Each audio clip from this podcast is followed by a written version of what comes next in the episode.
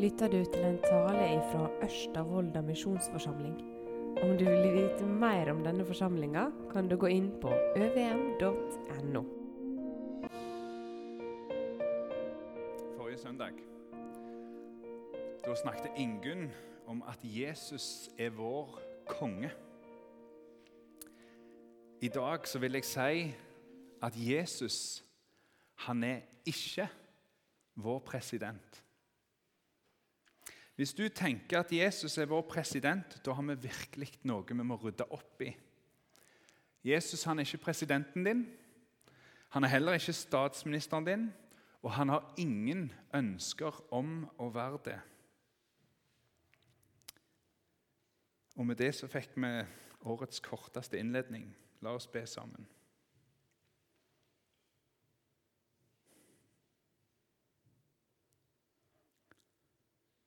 Far i himmelen,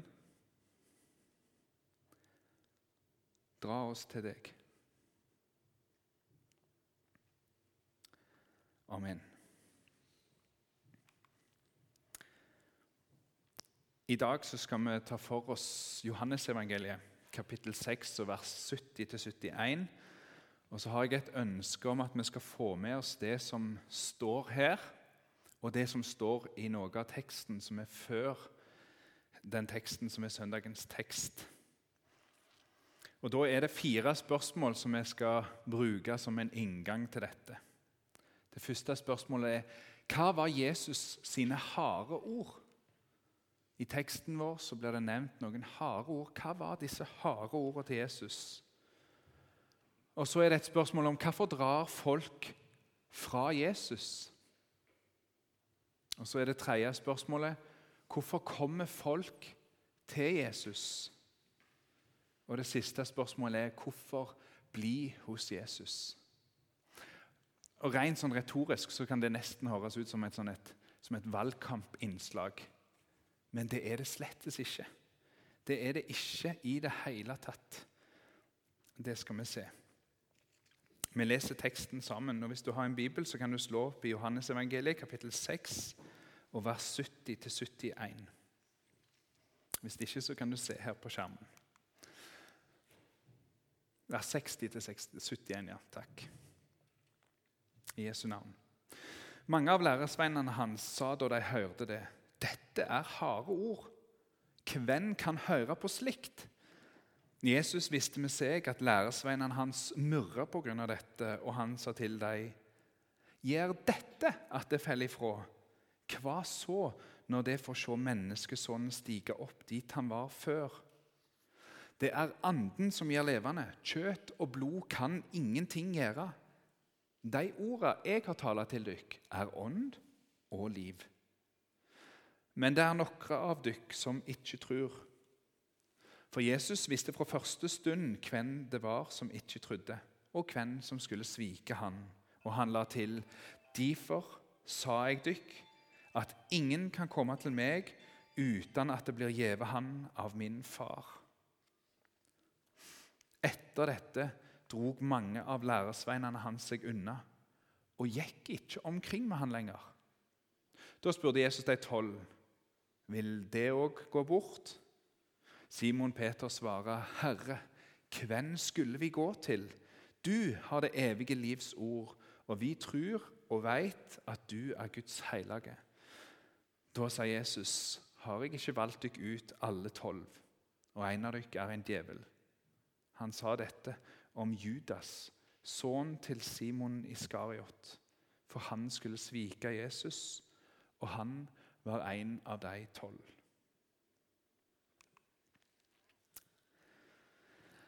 Denne dagen så er vi i eller i nærheten av Kapernaum, en by i Israel. Og så vet jeg ikke hvorfor, men jeg ser alltid for meg at vi er utendørs når Jesus har disse samtalene. Jeg tror ikke jeg er helt alene om det. at det, Nå står Jesus ute, det er litt tørt rundt, og så står Jesus og snakker med lærersvennene sine. Men det trenger ikke være det. For alt vi vet, så kan det være at Jesus han er hjemme hos Peter og Andreas. Peter og Andreas, som er brødre og lærersvenner av Jesus, kan, de vet vi har hus her i Kapernaum. Kanskje Kanskje fordi de er brødre, så har de hus rett på siden av hverandre og et, sånn et felles gårdsrom. Kanskje det er her de sitter? Det vet vi ikke. Men hvis det er her de er, så har de ikke vært der lenge. For rett før vår tekst, før vers 60, så leser vi at Jesus han var i synagogen i Kapernaum. Synagogen det var jødene sitt bedehus, eller menighetshus, om du vil. Før dette så hadde Jesus kommet om natta gående over Tiberiasjøen. Når Jesus er her, så er det kommet noen mennesker som vil treffe Jesus. Og Grunnen til at de vil treffe Jesus, det er at dagen før, før Jesus gikk over Tiberiasjøen, så hadde Jesus stått i ødemarka, og så hadde han metta 5000 menn pluss kvinner og barn med brød og fisk. Med fem brød og to fisker. Hvis du hadde vært der, og hvis jeg hadde vært der, da hadde vi òg dratt over til Beriasjøen og funnet Jesus igjen. For hvem er denne mannen her? Så kommer folka, og så finner de Jesus i synagogen. Og så er det i synagogen at disse harde ordene faller. Hva var de ordene? Hvis du har Bibelen med deg, så kan du slå opp i Johannes 6, 26. Og så ser vi på de versene som er før vår tekst. Der møter Jesus disse folka som kommer etter han, med å si Dere leide ikke etter meg fordi dere så det tegnet jeg gjorde. Nei, dere spiste, og så ble dere mette. Når Jesus metta flere tusen mennesker i ødemarka, så var det ikke bare et helt ekstraordinært under. Men Jesus han ville si noe med det han gjorde. Han ville vise disse som var her, noe om seg. Det var et tegn. Og I de versene som følger nå, så er det nesten sånn at Jesus sier rett ut hva dette tegnet egentlig var.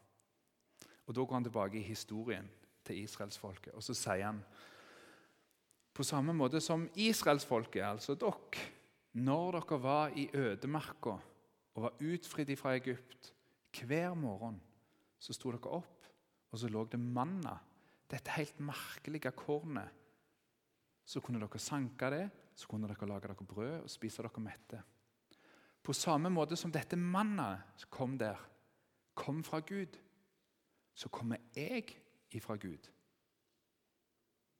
Men det er en forskjell på meg og dette mannakornet, dette brødet dere spiste der. For det var livgivende. Det holdt dere i live i mange år gjennom ørkenen. Dere åt det, ble mette, fikk liv og krefter og styrke. Men dere måtte ha nytt dagen etterpå og dagen etterpå og en dag, uansett hvor mye brød dere spiste, så kom dere til å dø. Dere kom til å dø. Sånn er det ikke med meg, sier Jesus. Den som tror på meg, og som tar imot Han, skal leve evig. Fordi han er livets brød, og han har kommet fra himmelen. Allerede her begynner de å murre. Neimen, du er sønnen til Josef og Maria. Hva er det du snakker om? Må du slutte, Jesus? Hvordan kan du komme fra Gud?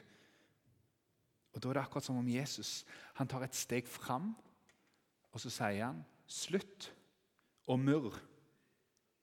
Alle som kommer til meg, skal jeg reise opp på den siste dagen. Den som tror, har evig liv. Og Så bruker Jesus noen ord som er så sjokkerende for jødene at jeg tror, vi har ikke sjanse til å fatte det. altså. De ordene som Jesus kommer med der. Han sier, 'Den som et kroppen min, som er det brødet jeg gir, og drikk blodet mitt, han har evig liv, og jeg skal reise han opp på den siste dagen.' Altså For oss så burde det i alle fall være noenlunde sjokkerende når det er en mann som sier hvis dere spiser kroppen min og drikker blodet mitt Hvis det ikke sjokkerer oss, så er det fordi vi er blitt vant med å høre det når vi mottar nattverd. Men hvis du er her som ikke kjenner Jesus, eller hvis du lytter til denne talen og ikke kjenner Jesus, da må det jo høres nesten okkult ut. Spise og drikke Jesus. På jødene For jødene på denne tida her så var det enda verre. Blod var ureint. Du skulle ikke komme borti det engang. Det var helt uaktuelt å spise kjøtt med blod i. Det var bare sånn helt uaktuelt for en jøde. Og så skulle de drikke Jesu blod og spise hans kjøtt. Dette var noen harde ord som kom fra Jesus. Og så resulterer det i at mange trekker seg vekk fra Jesus. Og da er det ikke bare fordi det skurra litt i ørene. Men hvorfor var det de trakk seg vekk fra Jesus? Når Jesus sier disse tingene til jødene, så viser han dem at han ikke er interessert i å være deres president. Vi må forstå at nå, Jesus han, han er en type som begynner å samle seg ganske mange mennesker rundt seg. Altså Når det er 5000 menn som kommer ut i ødemarka for å høre det han har å si, da begynner han å få en viss innflytelse her i landet. Om han hadde vært i Norge nå, så kan du være trygg på at han ganske fort hadde samla seg 3000 ekstra underskrifter og dannet et nytt parti. Det hadde ikke vært noe problem. Folk følger etter han. Men Jesus han er ingen president. Jesus holder ikke på å bygge opp en valgkamp. Han er ikke bare interessert i å få etterfølgere. Nei, han er interessert i de som følger etter han. Han vil gi disse folka noe. Han vil gi dem frelse, evig liv, nåde og rettferdighet. Der politikere hele tida er nødt til å vekte ordene sine rett, sånn at de klarer å samle nok folk til å stille seg bak dem, sånn at de klarer å få gjennomslag for de tingene som de vil få gjennomført, så må Jesus vekte ordene sine Sånn at folk ikke sitter der med et misforstått bilde av ham. At de tror at han er en annen enn det han er. Han vil at de skal følge han, ikke en misforstått utgave av han. Og Så går Jesus ganske tett på når han sier disse tingene. Tett på. Og så sier han, 'Dere trenger meg.' Jeg er løsninga. Dere trenger ikke brød og fisk. Dere trenger evig liv. For når dere en dag dør, så går dere enten fortapt, eller så skal dere leve evig hos Gud, hos meg. Jesus han går tett på dem og utfordrer dem. Her har israelsfolket gått rundt og tilbedt Gud på noenlunde den samme måten i over 1000 år. Og så kommer det en som presenterer seg som Gud for dem. Det er harde ord. Det er ord som er vanskelige å svelge. Det var det den gang for jødene, og det er det for oss òg i dag. Når Jesus sier 'Jeg er veien, sannheten og livet', da er det en ganske eksklusiv påstand. Og når han sier 'og ingen kommer til Faderen uten ved meg', da er han desto mer eksklusiv. Derfor er det krevende å treffe på Jesus. Hvis du faktisk hører etter de ordene som Jesus sier, da er det noe annet enn å hilse på den nye naboen. Jesus han sier 'Jeg er Guds sønn'. Jeg er ikke bare en vanlig mann. Han sier, 'Jeg står over dere. Jeg står over deg.' Jeg vet bedre hvordan du skulle levd livet ditt, enn det du vet sjøl. For jeg er Gud. Han sier at den som vil berge livet sitt, skal miste det. Men den som mister det, skal vinne det. Og så sier han, 'Følg meg'. Og Så møter han oss og så sier han, 'De handlingene som du gjør' de er viktige. De får noe å si. De får konsekvenser. Skyld det er ikke noe som bare kan løses med terapi eller mentaltrening. Nei, skyld det er noe som fysisk må bli tatt vekk fra deg. Kanskje kan vi reagere fordi Jesus også sier Og det klarer ikke du. Det klarer ikke du. Men jeg skal ta den skylda di. Så skal jeg ta skylda vekk fra deg. Sånn at når du er skyldfri, så er det fordi jeg har gjort det. Det er noen stoltheter som får seg en knekk da. Å møte noen som kommer med noen så klare, harde ord, det gjør at jeg kan vende ryggen min til, og så går jeg vekk. Det blir for voldsomt. Hvis Jesus bare hadde vært en presidentkandidat eller en life coach, en visdomsmann, eller bare en som hadde lyst til å gjøre denne verden til en litt bedre plass Det hadde vært én ting. Men Gud, det blir for heftig. Og så kan vi spørre oss, Hvorfor gjør Jesus dette med israelsfolket? Hadde det ikke vært bedre om han tonte akkurat denne sida ved seg ned en liten stund? Nå når ting begynner å bygge seg opp? Det kan ikke Jesus gjøre. La meg ta en illustrasjon på det. Altså vet ikke jeg om det er en god illustrasjon, men prøv å henge med meg på denne her. Når meg og Ingunn har noen sånne hektiske perioder i livet vårt, når det er mye som står på, da blir ting fort veldig kokt ned til at vi er noen sånne koordinatorer som skal få familien Stensland til å gå rundt. De samtalene vi har, det handler om hvem som skal hente, levere. Eh, skal vi ha middag neste uke? Nei. Eh, hva middag skal vi ha neste uke? Og så. Og så er det sånne planleggingssamtaler. Og så får vi litt lite tid til å snakke skikkelig ut om ting. Til liksom komme tett innpå hverandre. Og så oppstår det en sånn distanse mellom oss fordi vi ikke kjenner hverandre like godt lenger, faktisk. Kanskje har Ingunn erfart at jeg sa noe som gjorde vondt for henne. Eller jeg gjorde noe som hun syntes var ubehagelig. Og så har vi ikke hatt tid til å snakke skikkelig om det. Eller motsatt. Kanskje har jeg fått en erfaring Kanskje har jeg fått vite noe, kanskje har jeg lært noe. Funnet ut et eller annet om en eller annen sånn økonomisk grep som er lurt å gjøre for familien. Så tenker jeg at dette er det vi skal gjøre for oss nå. Dette var lurt. Og så har vi ikke fått snakket skikkelig om det, og så skapes det bare sånn gnisninger av frustrasjon. fordi vi får ikke, ja. Nesten alltid etter en sånn periode når meg og Ingunn finner tilbake til hverandre og plutselig får tid til å snakke, da har vi en skikkelig krangel. Nå skal ikke jeg idyllisere det der å krangle. altså. Jeg er helt sikker på at det går an å gjøre det som jeg og Ingunn gjør der, eh, uten å krangle, hvis en har et litt mer lavmælt følelsesuttrykk enn det vi har. Men, men, eh, men, det som skjer da, når vi finner tilbake til hverandre, det er at vi kommer litt tettere innpå hverandre. Og så får jeg vist hvem jeg er, og så får hun vist hvem hun er.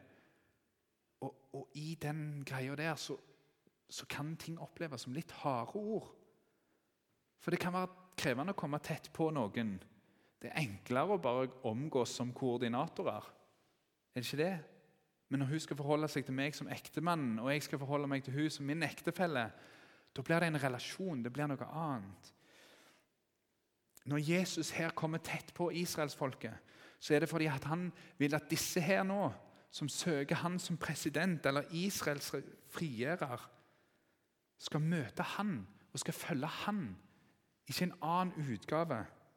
De skal møte kongen og frelseren.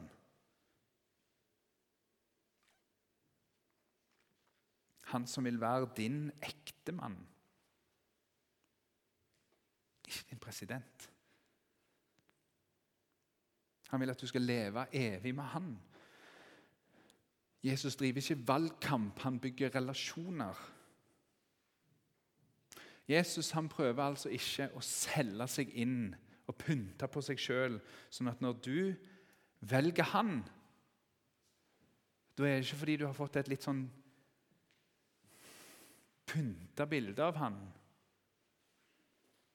Nei, da er det fordi Gud sjøl har dratt deg til han. Derfor kommer folk til å tro på Jesus. Derfor er ikke Jesus redd for å presentere seg som han er. I teksten før vår tekst og i vår tekst så blir dette sagt på ganske mange måter. Og Når det blir sagt ganske mange ganger og på mange måter, så viser det oss at dette er viktig, dette mysteriet. Hvordan kommer folk til Jesus? Hvordan kan tro oppstå? Tillit til Jesus oppstå? Jeg skal lese litt der ifra teksten før. I vers 36 til 40 så leser vi Men jeg har sagt dere, enda det har sett meg, tror det ikke. Alle de som Far gjev meg, kjem til meg. Og den som kjem til meg, skal jeg så visst ikke vise bort. For jeg har ikke kommet ned fra himmelen for å gjøre det jeg sjøl vil, men det som Han vil, Han som sender meg. Og det Han vil, Han som sender meg, er at jeg ikke skal miste noen av alle de han har gitt meg, men reise den opp på den siste dagen. For det vil far min, at hver den som ser Sønnen og tror på Han, skal ha evig liv, og jeg skal reise han opp på den siste dagen. I vers 44-45 der leser vi Ingen kan komme til meg uten at Far, som sendte meg, dreg han og jeg skal reise han opp på den siste dagen. Det står skrevet hos profetene.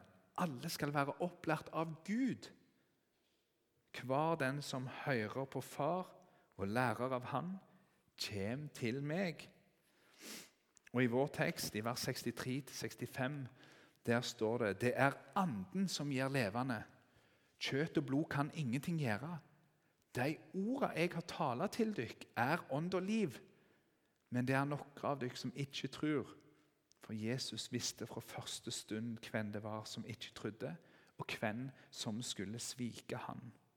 Og han la til Derfor sa jeg dykk at ingen kan komme til meg uten at det blir gitt han av min far.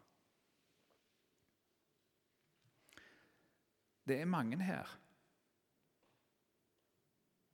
som har kommet til Jesus men de trodde egentlig ikke på han. De er bare her, ved siden av Jesus. I nærheten av han. Men trua,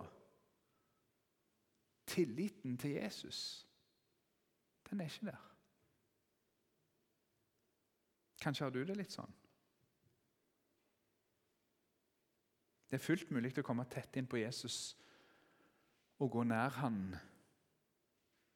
Men så får du ikke til å tro på noe annet enn en life coach eller en president. Kanskje blir det rett og slett for vilt for deg å skulle tenke at den mannen som gikk der for 2000 år siden, at han faktisk var Guds sønn. At han er den som har skapt deg, skapt alt du ser rundt deg, og øynene som ser det. Kan jeg få trøste deg, da? Og si at du som ikke får til å tro dette Du er ikke alene om det. Det er det tusener på tusener på tusener av mennesker som har hatt det sånn som deg. Og så har Gud dratt dem. Han har gitt dem. Han har lagt dem i Jesus sine frelsende hender. Og så har han skapt tillit til denne mannen. Og Måten han har gjort det på, det er at han har brukt Jesus sine ord. Disse ordene som er ånd og liv. Og så har han krangla. Han har gått tett på. Og så har han vist hvem Jesus er. Og plutselig så kan du hvile ifra det å skulle stole på Jesus, fra å skulle tro på Jesus. Og så kan du bare spisse ørene, og så kan du høre Jesus sine ord. Og så får det være Gud som drar deg til Han. At Jesus er sånn og at det er sånn, der ligger det ei ufattelig hvile. Og den vil Gud at vi skal ha. Og samtidig så er det en sånn en eksplosiv frimodighet. Noen ganger så er det sånn at vi som står her framme og prøver å formidle fra Bibelen Vi kan gli inn og tenke at dette på en måte er som en valgkamp. At vi skal gjøre Jesus mest mulig spisbar for alt og alle. Akkurat som om vi kan gjøre noe som helst for å gjøre han noe vakrere enn det han faktisk er. Jeg håper ikke at, gjort, at dette har gjort at jeg har unnlatt å presentere han så rå og konkret som Jesus faktisk er. For det er det som er vår oppgave. Paulus han snakker om det. Jeg har malt Kristus og korsfesta. Vår oppgave som formidler, det er å se her hvordan er Jesus. Og så skal vi prøve å male det så tydelig som mulig i det lyset som vi sitter og ser ifra. Og når vi gjør det, hvis jeg klarer å vise Jesus til dere Hvis vi får høre dette ordet, da kan mennesker møte han i tillit. Fordi ordet hans er ånd, sannhet og liv. Og så gjelder ikke det bare for meg eller for de av oss som står her oppe. Det gjelder for deg. Når du snakker med din nabo, din neste Når du åpner munnen din og sier hvem Jesus er, da bruker Gud det, og så drar han mennesker til seg. Og Da kan, det, da kan tro oppstå på de mest absurde plasser. Mennesker som du aldri hadde tenkt kom til å bli troende eller følge Jesus. Plutselig så kan de få tillit til Jesus. Fordi det er han de får møte. Vi driver ikke valgkamp, men vi tar Jesus, og så viser vi han til folk. Og så drar Gud i. Det er en eksplosiv frimodighet i det. Og så er det allikevel tydelig her i vår tekst at det skjer ikke alltid. Noen ganger så drar folk seg vekk fra han, og så går de ikke med han lenger.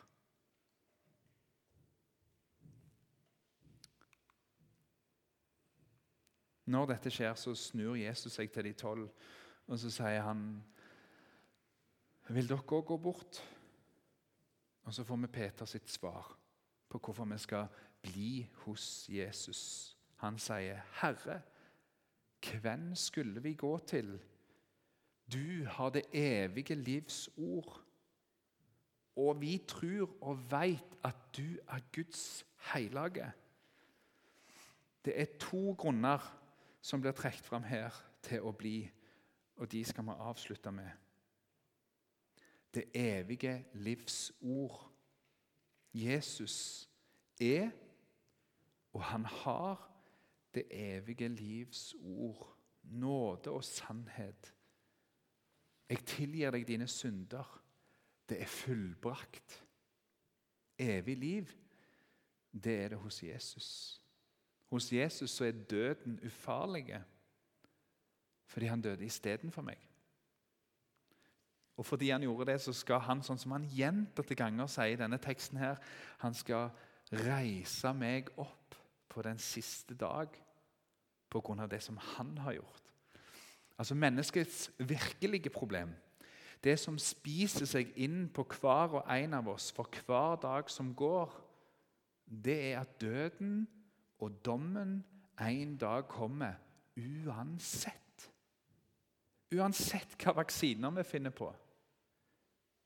Uansett så står denne siste fienden her for hvert eneste menneske. Den fienden som er beseira av Jesus.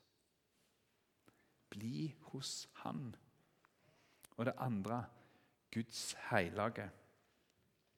Å være heilag, det betyr å være utskilt, avholdt, utvalgt eller satt til sides for et konkret bruk.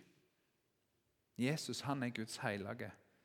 Han er den veien som Gud har åpna til oss mennesker. Den ene veien, sånn at vi i Jesus kan komme tett på. I Jesus så kan du møte Gud, din skaper, tett på. Jesus han er denne ene hellige muligheten til å finne Gud og til å få komme til Han.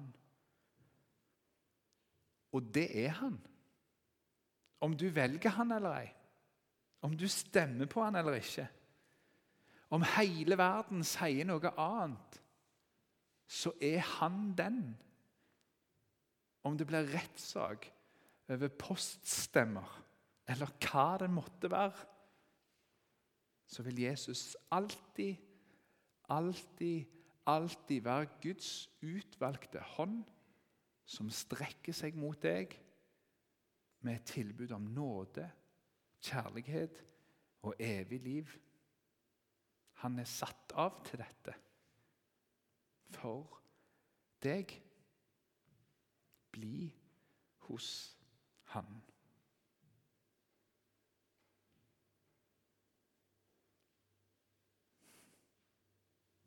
Takk, Jesus,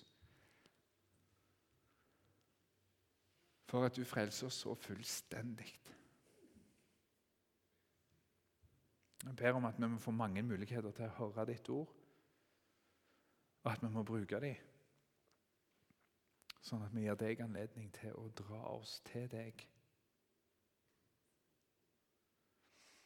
Takk for at du ikke er interessert i å være vår president, men du er vår frelser. Amen.